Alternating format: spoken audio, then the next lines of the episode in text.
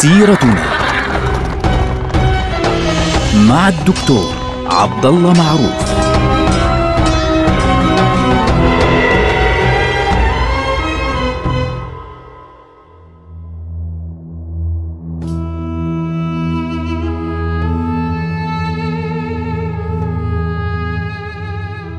السلام عليكم ورحمة الله وبركاته. سيرتنا سيرة هذه الأمة ونحن في عهد عمر بن الخطاب أمير المؤمنين الفاروق رضي الله عنه وأرضاه.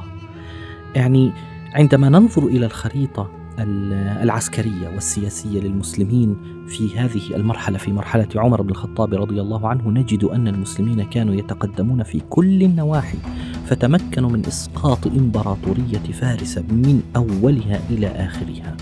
بمقتل يزدجر انتهى وجود الفرس تماما الإمبراطورية أقصد وانساح المسلمون في كل البلاد وبدأوا ينشرون دين الله عز وجل في تلك البلاد. وأما في بلاد الشام فكان المسلمون قد أسقطوا الروم تماما ولم يعد لهم وجود اطلاقا. في ذلك الوقت فكرة جاءت لعمرو بن العاص رضي الله عنه وأرضاه، طبعا عمرو بن العاص نعرف أنه أول من دخل فلسطين من الجنوب في عهد أبي بكر رضي الله عنه ففتح منطقة غزة في بعد معركة داثن وكان من الذين يتحركون في جنوب فلسطين رضي الله عنه وأرضاه. عمرو بن العاص أرسل إلى عمر بن الخطاب رضي الله عنه يستأذنه ويقول: يا أمير المؤمنين إني أرجو أن تأذن لي أن أفتح مصر. ليه؟ مصر لها عدة مزايا مهمة جدا. مصر تتصل طبيعيا بفلسطين ببلاد الشام من خلال فلسطين. هي حتى لو تنظر اليوم للخريطة بشكل واضح مصر هي بوابة إفريقيا كاملة. يعني البوابة البرية إلى إفريقيا. المسلمون كانت بينهم وبين إفريقيا يعني علاقات منذ أيام النبي صلى الله عليه وسلم عبر الحبشة. ولكن لم يكن المسلمون يستطيعون التحرك إلى إفريقيا في ذلك الوقت إلا بحرا. ولكن المكان الوحيد الذي يمكن أن تصل إليه برا من بلاد الشام من الجزيرة العربية من أي مكان آخر إلى إفريقيا كاملة هو مصر هي البوابة الشمالية الشرقية للقارة الإفريقية كاملة. في نفس الوقت من الطبيعي جدا أن يتجه اهتمام المسلمين إلى مصر ليه؟ لأن الروم ما زالوا يسيطرون على مصر في ذلك الوقت. وبالتالي الروم أو البيزنطيون لهم وجود في شمال إفريقيا كاملا خاصة من خلال مصر ولذلك لهم أيضا أسطول قوي جدا في البحر ولن يأمن المسلمون على الشام إذا كانت مصر تحت نفوذ البيزنطيين. أضف إلى ذلك إن مصر واحدة من أغنى المناطق في العالم آه الإسلامي في ذلك الوقت في العالم طبعا بشكل عام في ذلك الوقت. لي هي غنية جدا بالقمح هي غنية بالقطن هي غنية بأشياء آه كثيرة جدا بل إنها كانت واحدة من أهم مصادر التموين التي ترسل المؤن الكاملة الطعام والشراب واللباس وكل شيء إلى القسطنطينية. فإذا تمكن المسلمون من فتح هذه المنطقة يعني مصر سيضعف وجود الروم فعليا ونفوذهم في منطقة شمال إفريقيا.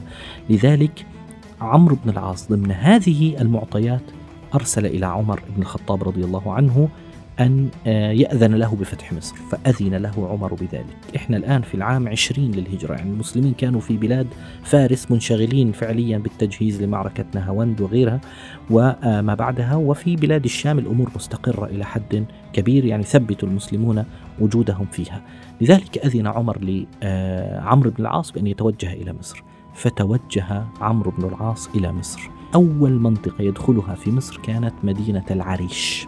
وهي أقرب مدن مصر فعليا إلى غزة فدخلها دون أي مقاومة فتحها دون مقاومة ولا شيء فتوجه بعد ذلك إلى الداخل. بدأ يتوجه إلى الداخل طبعا إلى جانبه كان البحر يعني يتوجه إلى الداخل باتجاه البحر قريبا ثم يبدأ بالنزول جنوبا. فيعني كان وجد بعض المقاومة من الروم يعني بعد شهر شهرين ثلاثة إلى آخره تمكن من فتح المناطق المختلفة حتى وصل جنوبا توجه مباشرة بعدها إلى منطقة بلبيس. بلبيس تيجي يعني قريبة من القاهرة شمال شرق في القاهرة ففتح بلبيس واصطدم بالروم هناك وهزمهم هزيمة كبيرة. الآن قيادة قوات الروم في هذه البقعة كانت اللي هي بقيادة المقوقس. المقوقس عظيم القبط الذي أرسل إليه النبي صلى الله عليه وسلم رسالته المعروفة وأهدى المقوقس إلى النبي صلى الله عليه وسلم آه، جاريتين وبغلة آه، للنبي صلى الله عليه وسلم. وبالتالي المقوقس كان يضن بملكه فكان بطريركا على الإسكندرية كان واليا على مصر كلها وكان يقيم في حصن بابليون. الآن هذا الحصن حصن بابليون تقدم باتجاهه عمرو بن العاص رضي الله عنه وكانت قوات الروم فيه يعني بقيادة رجل اسمه نيودروس وهذه المنطقة عسكر فيها المسلمون. طبعا حصن بابليون بيكون قريب على منطقة آه، معروفة اليوم في القاهرة اسمها هليوبوليس. هذه المنطقة قريبة. فعمر بن الخطاب رضي الله عنه أمدهم بالزبير بن العوام رضي الله عنه والمقداد بن عمرو وعباد بن الصامت وعدد من الجنود فحاصروا حصن بابليون. حصن بابليون احتمى فيه الروم واحتمى فيه المقوقس بعد سبعة أشهر من الحصار الطويل يعني تعب المقوقس وتعب الروم. فالمقوقس أرسل إلى المسلمين يقول لهم تعالوا نتصالح. يعني فالمسلمون قالوا تعال لا مشكلة عندنا. فتصالحوا على الجزية للقبط. وأما الروم من أراد أن يبقى يدفع الجزية ومن أراد يمكنه أن يذهب ويلتحق ببلاده. فتمكن عمرو بن العاص رضي الله عنه بالتالي من أن يأخذ حصن بابليون. وفي ذلك الوقت كان عمرو بن العاص طبعا مش ساكت كان يتوجه توجه فتح الفيوم فتح جنوب منطقة الدلتا. وبالتالي بقيت صارت منطقة جنوب الدلتا كلها اللي هي اليوم موجود فيها القاهرة. أصبحت بيد المسلمين.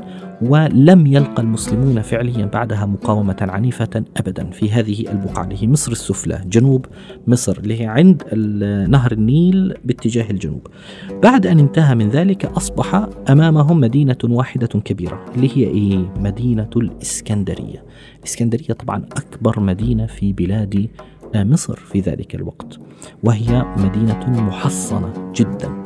والمقوقس طبعا بعد أن صالح المسلمين على حصن بابليون خرج من الحصن والتحق بالإسكندرية. لكن هرقل إمبراطور الروم عزل المقوقس عن مصر وقال له أنت منفي يعني فبالتالي آه، اخرج من المكان. فالمقوقس طلع. لكن في ذلك الوقت نفسه هرقل مات.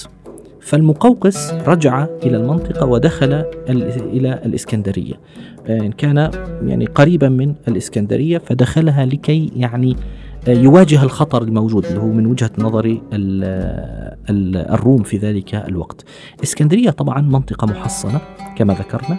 موقعها البحري مهم جدا. البحر بيجيها من ناحية الشمال فيها زي منطقة بيعرفوها طبعا أهل الإسكندرية إنها المنطقة محيطة بالبحر تقريبا شبه إحاطة البحر داخل في الإسكندرية.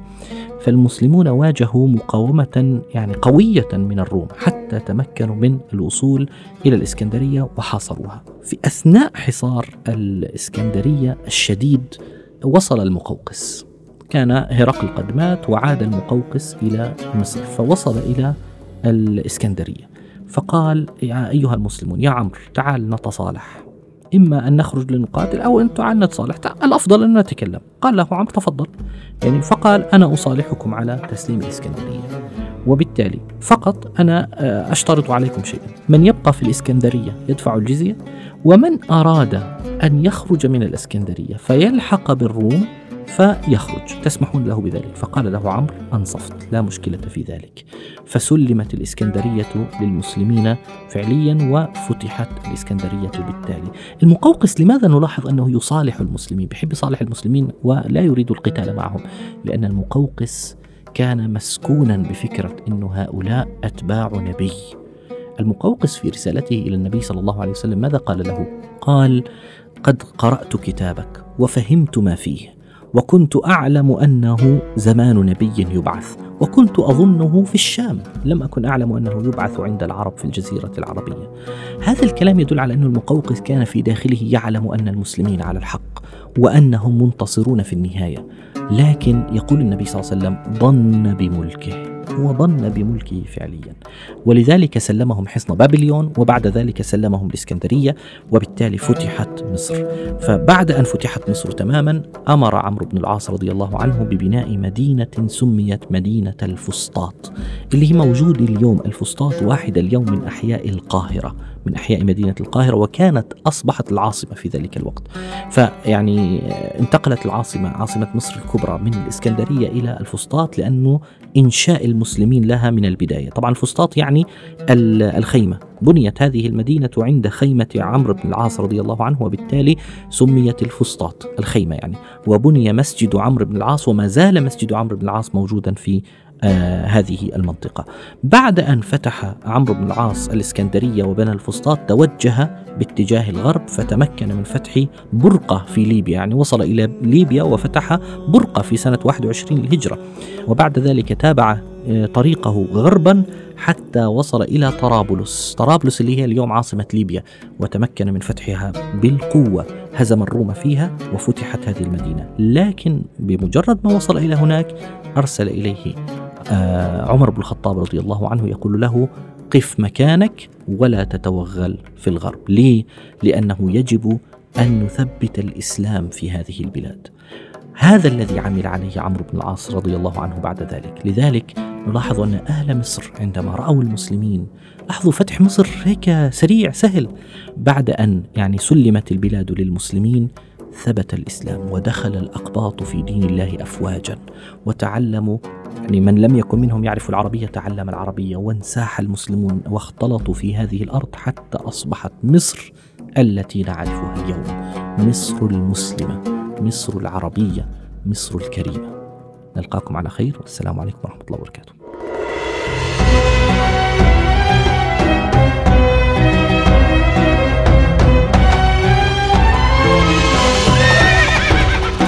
سيرتنا مع الدكتور عبد الله معروف.